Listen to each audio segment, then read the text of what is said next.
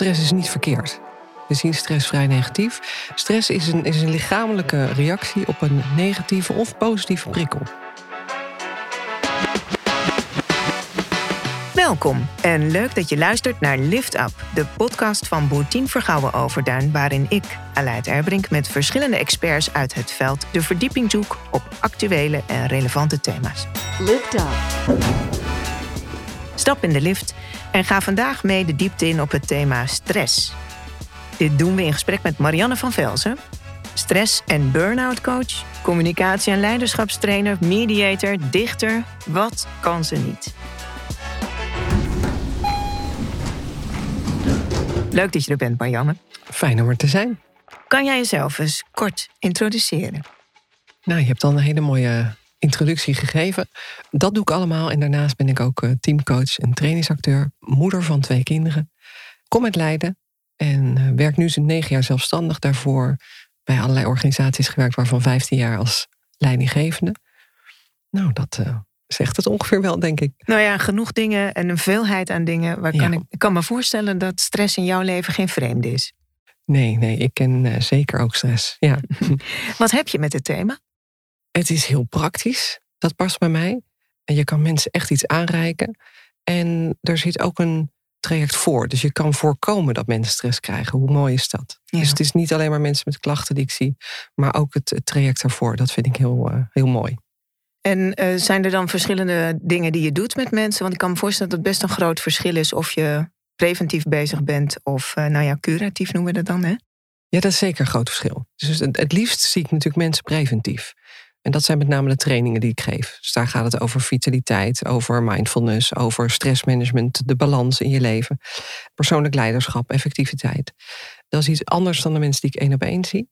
Dat zijn mensen die vaak al serieuze stressklachten hebben of al uitgevallen zijn. Dus één op één is inderdaad anders. Dan is helaas de preventie te laat. Ja. Maar goed, daar kan je ook hele mooie dingen doen en zorgen dat ze niet meer terugkomen. Dat is mijn uitgangspunt. Ik wil je niet meer terugzien, zeg ik altijd met een grote glimlach. ja, ja. En daar worden mensen niet per definitie gestrest van, neem ik aan. Nee, nee, nee zeker niet. Hey, het is een breed begrip, hè? dus uh, het lijkt me handig om uh, even, te, uh, even af te kaderen waar we het dan over hebben. Wat, wat, wat versta jij onder stress? Ja, het is inderdaad een breed begrip. Want stress is niet verkeerd. We zien stress vrij negatief. Stress is een, is een lichamelijke reactie op een negatieve of positieve prikkel. We hebben een heel mooi stressmechanisme in ons lijf en die maakt hormonen aan. Die maakt cortisol, adrenaline aan om te zorgen dat we ergens klaar voor zijn, zou je kunnen zeggen. Mm -hmm. En dat is super handig. Stel dat ons huis in de brand vliegt, dan is het handig dat ons lijf reageert.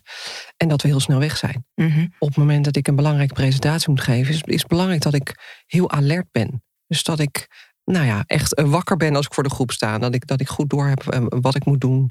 En, en daar mag best een beetje spanning bij komen.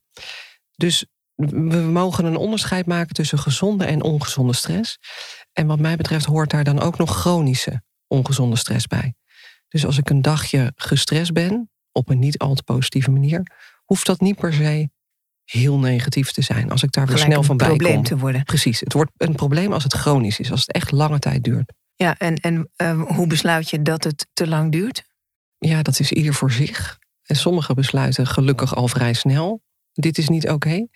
Ik, uh, ik durf van mezelf te zeggen, met alle stress die ik natuurlijk ook ervaar, zoals ieder mens, dat ik redelijk snel nu op de rem trap. Maar er zijn mensen die dat dus jaren laten voortgaan. Ja. En er zijn mensen die zo met pensioen gaan, bij wijze van spreken. Gelukkig zijn we steeds bewuster ervan. Mm -hmm. Weten we steeds meer wat we moeten doen, denk ik ook. Maar de, ja, dat is dus voor, voor ieder mens verschillend. Zou je iets kunnen zeggen over de, de signalen die kenbaar worden als, het, uh, ja, als de stress toeneemt? Zeker. Ingewikkeld is ook gelijk erbij dat dat ook weer voor ieder mens verschillend dat is. Zal, ja. um, het is innerlijk, dus in je lijf. Denk aan letterlijk uh, je schouders zitten bij je oren. Je voelt spanning in je lijf. Je ademhaling is hoog. Uh, maar ook mentaal. Dat je in rondjes gaat denken, dat je gaat piekeren, niet in slaap komt daardoor.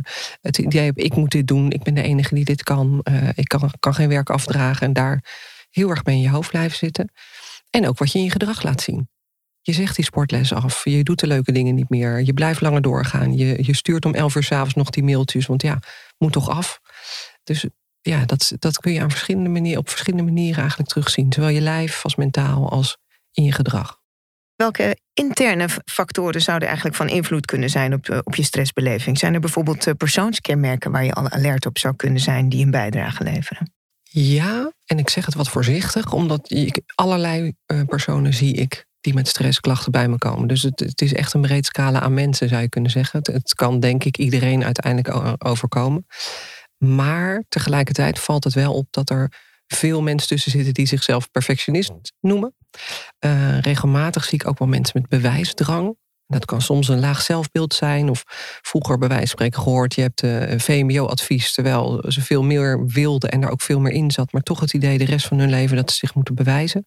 Mm de doorzetters, de pleasers die niet graag nee zeggen... En, en lastig vinden om grenzen aan te geven. Dat zijn wel mensen die ik veel zie. Ja, dat zijn wel wat algemenere beschrijvingen inderdaad. Ja. Um, dus dat zijn in ieder geval, als je weet van jezelf, hé, hey, maar dat is een categorie waar ik uh, in thuis hoor, uh, uh, laat ik eens extra opletten. Ja, ja. Ik maak met mensen één op één vaak een stressladder. Stressthermometer noemen ze het ook wel. En daarin beschrijf je specifiek, en dat is niet iets wat in beton gegoten is, dus dat kun je elke week weer aanpassen, waaraan jij kan merken dat jouw stress omhoog gaat. Denk bijvoorbeeld aan ik uh, zit te neurien als het heel goed gaat. Dus ik neurie veel, weet ik van mezelf, als ik lekker in mijn vel zit. Dat doe ik dus niet meer als er een klein beetje stress is, heb ik gemerkt. Eén stapje hoger nog op de ladder is um, als ik alleen nog maar achter mijn toetsenbord zit te lunchen. Dus ik ga niet meer mee met mijn collega's om te lunchen bijvoorbeeld. Daar kon ik het vroeger aan merken. Uh, een ander is dat ik de lunch soms oversla. Of dat ik lopend naar de volgende afspraak aan het lunchen ben. Ik word kortaf, ik word humeurig. Zo ga je helemaal in kaart brengen. Waaraan merk ik nou dat het niet zo heel goed gaat of dat ik de stress toeneem. Ja. En gelukkig zit er ook een andere kant aan de ladder. Je moet ook weer de trap af. Dus omschrijf specifiek hoe je van stap, dus trede 4 naar trede 3 kan gaan. Wat moet je dan doen? Nou, trede 4 zit je al heel hoog. Dus hoe kan je van, van 4 naar 3? Nou, dat is met je manager praten bijvoorbeeld. Uh, hulp zoeken, thuis aangeven, pas op de plaats, op tijd naar bed. Ja. Uh, geen werk extra meer aannemen, echt even rust nemen. Ja. Nou, zo, zo kun je echt allerlei stappen uitschrijven, waardoor jij jezelf leert kennen. En een ander, bijvoorbeeld, je kan ook met je leidinggevende met zo'n stressladder gaan zitten. En zeggen, goh, als ik dus niet meer lunch, als jullie met z'n allen gaan lunchen, ik ga niet meer mee, kom dan even vragen hoe het met me gaat. En als ik zeg, ja, ga best, vraag dan even door. Ja. Ja, mooi. Ja, en ik, ik hoor ook gelijk, uh, want dit, is, dit lijkt me best ingewikkeld. Uh, hè, dus dan ga je, dat doe je, krijg je niet in tien minuten voor elkaar. Dan moet je echt wel even goed aandacht aan besteden. om die, is... uh, die verschillende stappen van elkaar ja. te onderscheiden. Ja, dit, dit doe je niet aan het begin van een stresstraject. Dit is echt aan het einde. Ja, ja. ja, en ik kan me ook voorstellen dat het lekker is om daar hulp bij te hebben. Maar het is in ieder geval als gedachte-experiment sowieso al heel waardevol in de preventie, denk ik. Ik denk niet dat we dat dagdagelijks. nou, ik had het op school in ieder geval nog niet gehad. Dat dit een slimme niet. actie was. Nee. Ja, er zijn natuurlijk dingen, hè, we hebben het nu over wat kan je zelf vooral doen en waar heb je zelf invloed op en wat heeft met jou te maken. Maar er zijn natuurlijk ook dingen in de context die uh, uh, van invloed zijn op de hoeveelheid stress die, uh, die je ervaart. Ja. Kan je een aantal factoren noemen die daarin impactvol zijn? Ja, je hebt natuurlijk ook allerlei factoren die meespelen waar je niet altijd invloed op hebt. Soms, mm -hmm. maar voor een deel in ieder geval. denk aan, aan mantelzorg voor een ouder. Denk aan uh, jonge kinderen en heel slecht slapen lange tijd. Denk aan een relatie die niet goed gaat. Denk aan rouw omdat je iemand verloren hebt.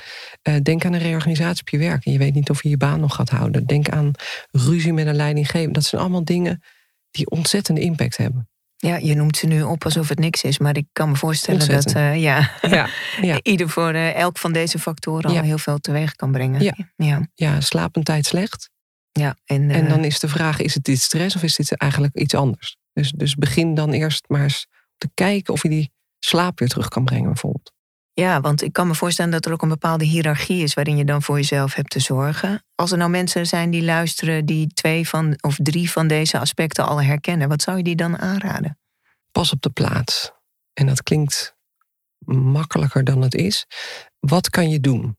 Dus ook daar praktisch, wat kan je wel doen? Kan je ervoor zorgen dat je bijvoorbeeld als je slecht slaapt op tijd naar bed kan. En kun je ervoor zorgen dat je een vaste tijd naar bed gaat, langere tijd. Op het moment dat je voor een ouder zorgt, ja, daar, zul, daar kun je soms hulp van buiten uh, invragen, zeg maar. Dus, dus je hoeft het niet altijd allemaal zelf te doen. Mm -hmm. Maar ga ook in gesprek met je leidinggevende als je tegen dingen aanloopt. Misschien kan je zorgverlof regelen. Misschien zijn vaak zijn er meer dingen mogelijk dan je denkt. Ja. Dus, dus houd niet allemaal voor jezelf. En heel praktisch, zorg voor regelmaat. Regelmaat. Ja. Dat is een hele oude. Ja, rustig, eenheid en regelmaat. Ja, Ja. ook hier werkt hij. Ja. Ja, ja, ja. En, en regelmaat betekent zorg dat je routines hebt waarin je gewoon structureel aandacht aan jezelf besteedt en ruimte creëert voor de goede dingen. ja, en ook heel praktisch, eh, als je een- een slecht slaap of een verstoord slaapritme hebt, of je Mhm. merkt dat je gewoon stress hebt in je lijf, ga dan bijvoorbeeld op dezelfde tijd naar bed. Zorg dat je na het avondeten niks meer doet wat energie kost. Zorg echt dat je toewerkt naar dat naar bed gaan langere tijd. Als je dat een aantal weken doet, zul je echt lichamelijk een reactie merken. Maar het kan ook heel praktisch zijn op het moment dat je midden in een rouwverwerking zit. Of in een relatie die niet goed gaat. Of een ouder die ziek is. Ja, dat is misschien niet het moment om ook een nieuwe baan te gaan zoeken. Ja, Misschien is het dan handig om voor de routine nog even te kiezen tijdje. probeer een beetje te doseren. Ja, De ellende te Balans. doseren. ja, ja. Ja. ja. Zolang dat in je mogelijkheden ligt. Ja. Klinkt als eh, verstandig en, eh, en slim en eh mooi tip. Er zijn natuurlijk ook veel mensen die druk ervaren op hun werk. Hè, dus, en organisaties hebben er uiteraard veel belang bij om, om ervoor te zorgen dat het goed gaat met de medewerkers. En dat er dus niet te veel stress ontstaat. Aan welke knoppen kan een organisatie eigenlijk draaien om te zorgen dat eh, eh, mensen aan de goede kant van de stresslijn blijven?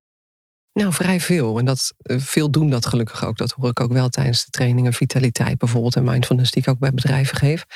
De basis daarvan is communicatie en veiligheid. Communicatie, ehm, ken je collega's. Als je leidinggevende bent, ken je teamleden. Weet waar zij van aangaan, waar ze blij van worden, waar ze goed in zijn, wat hun kwaliteiten zijn. En weet ook wat ze lastig vinden. Waar ze, waar ze misschien op leeglopen, maar ook wa- wat ze spannend vinden. Dus daarover praten, dus maakt dat ook een gespreksonderwerp. Dus dat is qua communicatie denk ik heel belangrijk. Kijk een beetje uit, eh, kijk een beetje om naar elkaar. Ja, en, Ehm, en, en begin daar niet mee als er problemen zijn. Ja, dat zeker. ik je eigenlijk ook zeggen. Heb ja. het er sowieso over. Ja. Ja, en, en misschien nog wel daarvoor is dit veiligheid. Mhm. Zorg dat het veilig is. En met veilig bedoel ik niet een, een helm op de werkplek, ook belangrijk. Met veiligheid bedoel ik dat de sfeer veilig is. Dus je hebt natuurlijk in bepaalde sectoren is er een bepaalde ja, macho-cultuur. En is er niet altijd ruimte om over zaken te praten. Soms heeft het ook te maken met een beroep. Hulpverleners staan onder bepaalde druk. Eh, eh, denk aan eh, ambulancepersoneel, de politie. Daar gebeurt ook gewoon heel veel op de werkplek. Maar je hebt ook bepaalde culturen zoals de adv- advocatuur, waar heel veel gewerkt wordt en ook een bepaalde afrekencultuur kan heersen. Ja, dan wordt het lastig om aan te geven. Ik snap eigenlijk niet precies wat ik aan het doen ben. Of ik heb te veel op mijn bord. Of eh, kan iemand mij helpen? Als daar lacherig over wordt gedaan of geen ruimte voor is. Of joh, als je een carrière wil maken, moet je wel die 60, 70 uur maken. Ja, dan, wordt het, dan is het niet veilig om dat aan te geven. Dus Nee. dan gaan mensen lang door, te lang. Dus zorg ervoor dat daar de ruimte en de aandacht voor is. Ja. Ook in de juiste sfeer. Ja. Zou je, zou je een paar wat meer verrassende voorbeelden kunnen geven van hoe organisaties eh, effectief zorgen voor het welzijn van hun mensen in dat opzicht? Ehm, ja, ik hoorde laatst bij een, eh, een training die ik gaf. eh, bij een groot MKB-bedrijf was een manager van een ICT-afdeling. En die zat daar met allerlei andere managers. En die, die hadden de hele ochtend al gezegd: Dit kan niet in ons bedrijf, dit kan niet. Totdat hij begon te spreken. Zei: Nou, ik ben hier nog niet zo lang. En wij doen dat gewoon niet meer. Nou, de rest was heel stil. Toen vertelde hij dat hij, hij zei zelf, ervoor was gaan liggen. Dus er waren allerlei projecten op ICT-gebied. Al jaren stapelde dat zich op. Was allemaal ontzettend belangrijk. Als het bedrijf vooruit wilde, moest die ICT mee. En die moest daar natuurlijk voorop lopen. Hij was daarvoor gaan liggen en had gezegd: Oké, hoeveel hebben we nu? Hoeveel ruimte hebben we nog? We hebben nu genoeg voor het komende jaar. We nemen geen nieuwe projecten meer aan. En bij alles zei hij nee. En dat werd gepikt. Hij kon het goed onderbouwen. Hij kon goed uitleggen met uren en overlegstaatjes, et cetera. ehm, waarom zijn mensen echt meer dan genoeg hadden. En het werd geaccepteerd. Ja. En alle andere managers, eh, die waren echt vol verbazing dat het geaccepteerd was. Die hebben jaren gedacht, dit kan niet in ons bedrijf. Dat wordt niet geaccepteerd. En hij was van extern gekomen, had het wel voor elkaar gekregen. Door, eigenlijk door het gewoon te doen. En er heel erg voor te gaan staan. Voor zijn mensen ook te gaan staan. Maar ook, Ja. dit is niet oké wat er nu gevraagd wordt. Dit kunnen we gewoon niet aan. Ook Ja. heel praktisch. Ja. Dus het is nu even stop. Ja, gaan we niet doen. Nou, je geeft hier ook een mooi voorbeeld van dat mensen soms eh, in hun hoofd allerlei bezwaren al opwerpen en het dan niet meer ter sprake brengen. Zeker. Eh, waarmee je de realiteit natuurlijk gewoon ook eh, niet helemaal recht doet. Ja, dat merk ik ook in de één op één begeleiding. Dat mensen zeggen, dit kan niet bij ons. En dan bijna altijd is er meer mogelijk. Of een andere optie waar je zelf niet aan gedacht hebt. Ja. En soms ook niet. Nee. En dan heb je weer een andere keuze te maken. Nou ja, ik hoor dat ook eigenlijk nu een paar keer terugkomen. Het is, het is heel fijn ook als je uh, je bewust bent van dat je het niet alleen hoeft te doen. En dat je samen naar een oplossing kunt zoeken. Want dat maakt het vinden ervan natuurlijk veel waarschijnlijker. Ja. ja, dus praat erover met iemand. Hoeft niet altijd gelijk je leidinggevende te zijn, maar praat erover. Ja. ja. Hey, we zijn er weer aan het einde gekomen van dit gesprek. En aan het einde doen wij een rapid fire. Dus houd je vast. Oeh, Deze laatste ronde tikken we heel snel een paar verdiepingen aan waar we dan niet per se uitstappen. Uh, vraag in de hoogste versnelling. Graag steeds je korte reactie. Wat helpt jou het beste om aan de goede kant te blijven? Je verstand of je gevoel? Oeh, gevoel. Nooit meer dichten of nooit meer trainen? Oeh, niet te doen. Uh, nooit meer trainen. Ik hoor de pijn. uh, uh, welke eigenschap bezorgt zoveel mensen stress dat je zou willen dat je daar een pilletje voor had? Het goed willen doen, perfectionisme. Ik weet niet helemaal of dat woord nou echt bestaat. Het te goed willen doen. Waar kan jij je nog wel eens meer over opwinden dan eigenlijk goed voor je is? slachtofferschap. En is er van deze vragen die ik je nu voorgelegd heb nog eentje waar je nog verder op in zou willen gaan? Nou, slachtofferschap klinkt zo negatief. Mensen die zeggen het kan niet anders, die, die nou, met een oordeel naar zichzelf en anderen kijken. En dan vooral naar anderen toe die het allemaal niet goed doen. Dat vind ik ingewikkeld. Het is zo mooi als we allemaal af en toe naar onszelf kunnen kijken. En ook nou ja, een beetje mild naar de ander. Ik denk dat daar veel ruimte te winnen is. Mild naar jezelf en mild naar ja, de ander. Graag. Ja, dat levert er ruimte op. Ja. Dit was Lift Up, waarin we dit keer verdiept hebben op het thema stress. Marianne, hartstikke bedankt dat je jouw uh, mooie inzichten over dit thema met ons hebt willen delen. Graag gedaan. En wil jij jouw kennis en vaardigheden met betrekking tot persoonlijke effectiviteit en het uh, managen van stress op een nog hoger plan brengen? Bekijk dan ons aanbod op de website. Boertien voor Gouwen Overduin helpt je graag verder. Bedankt voor het luisteren. Lift Up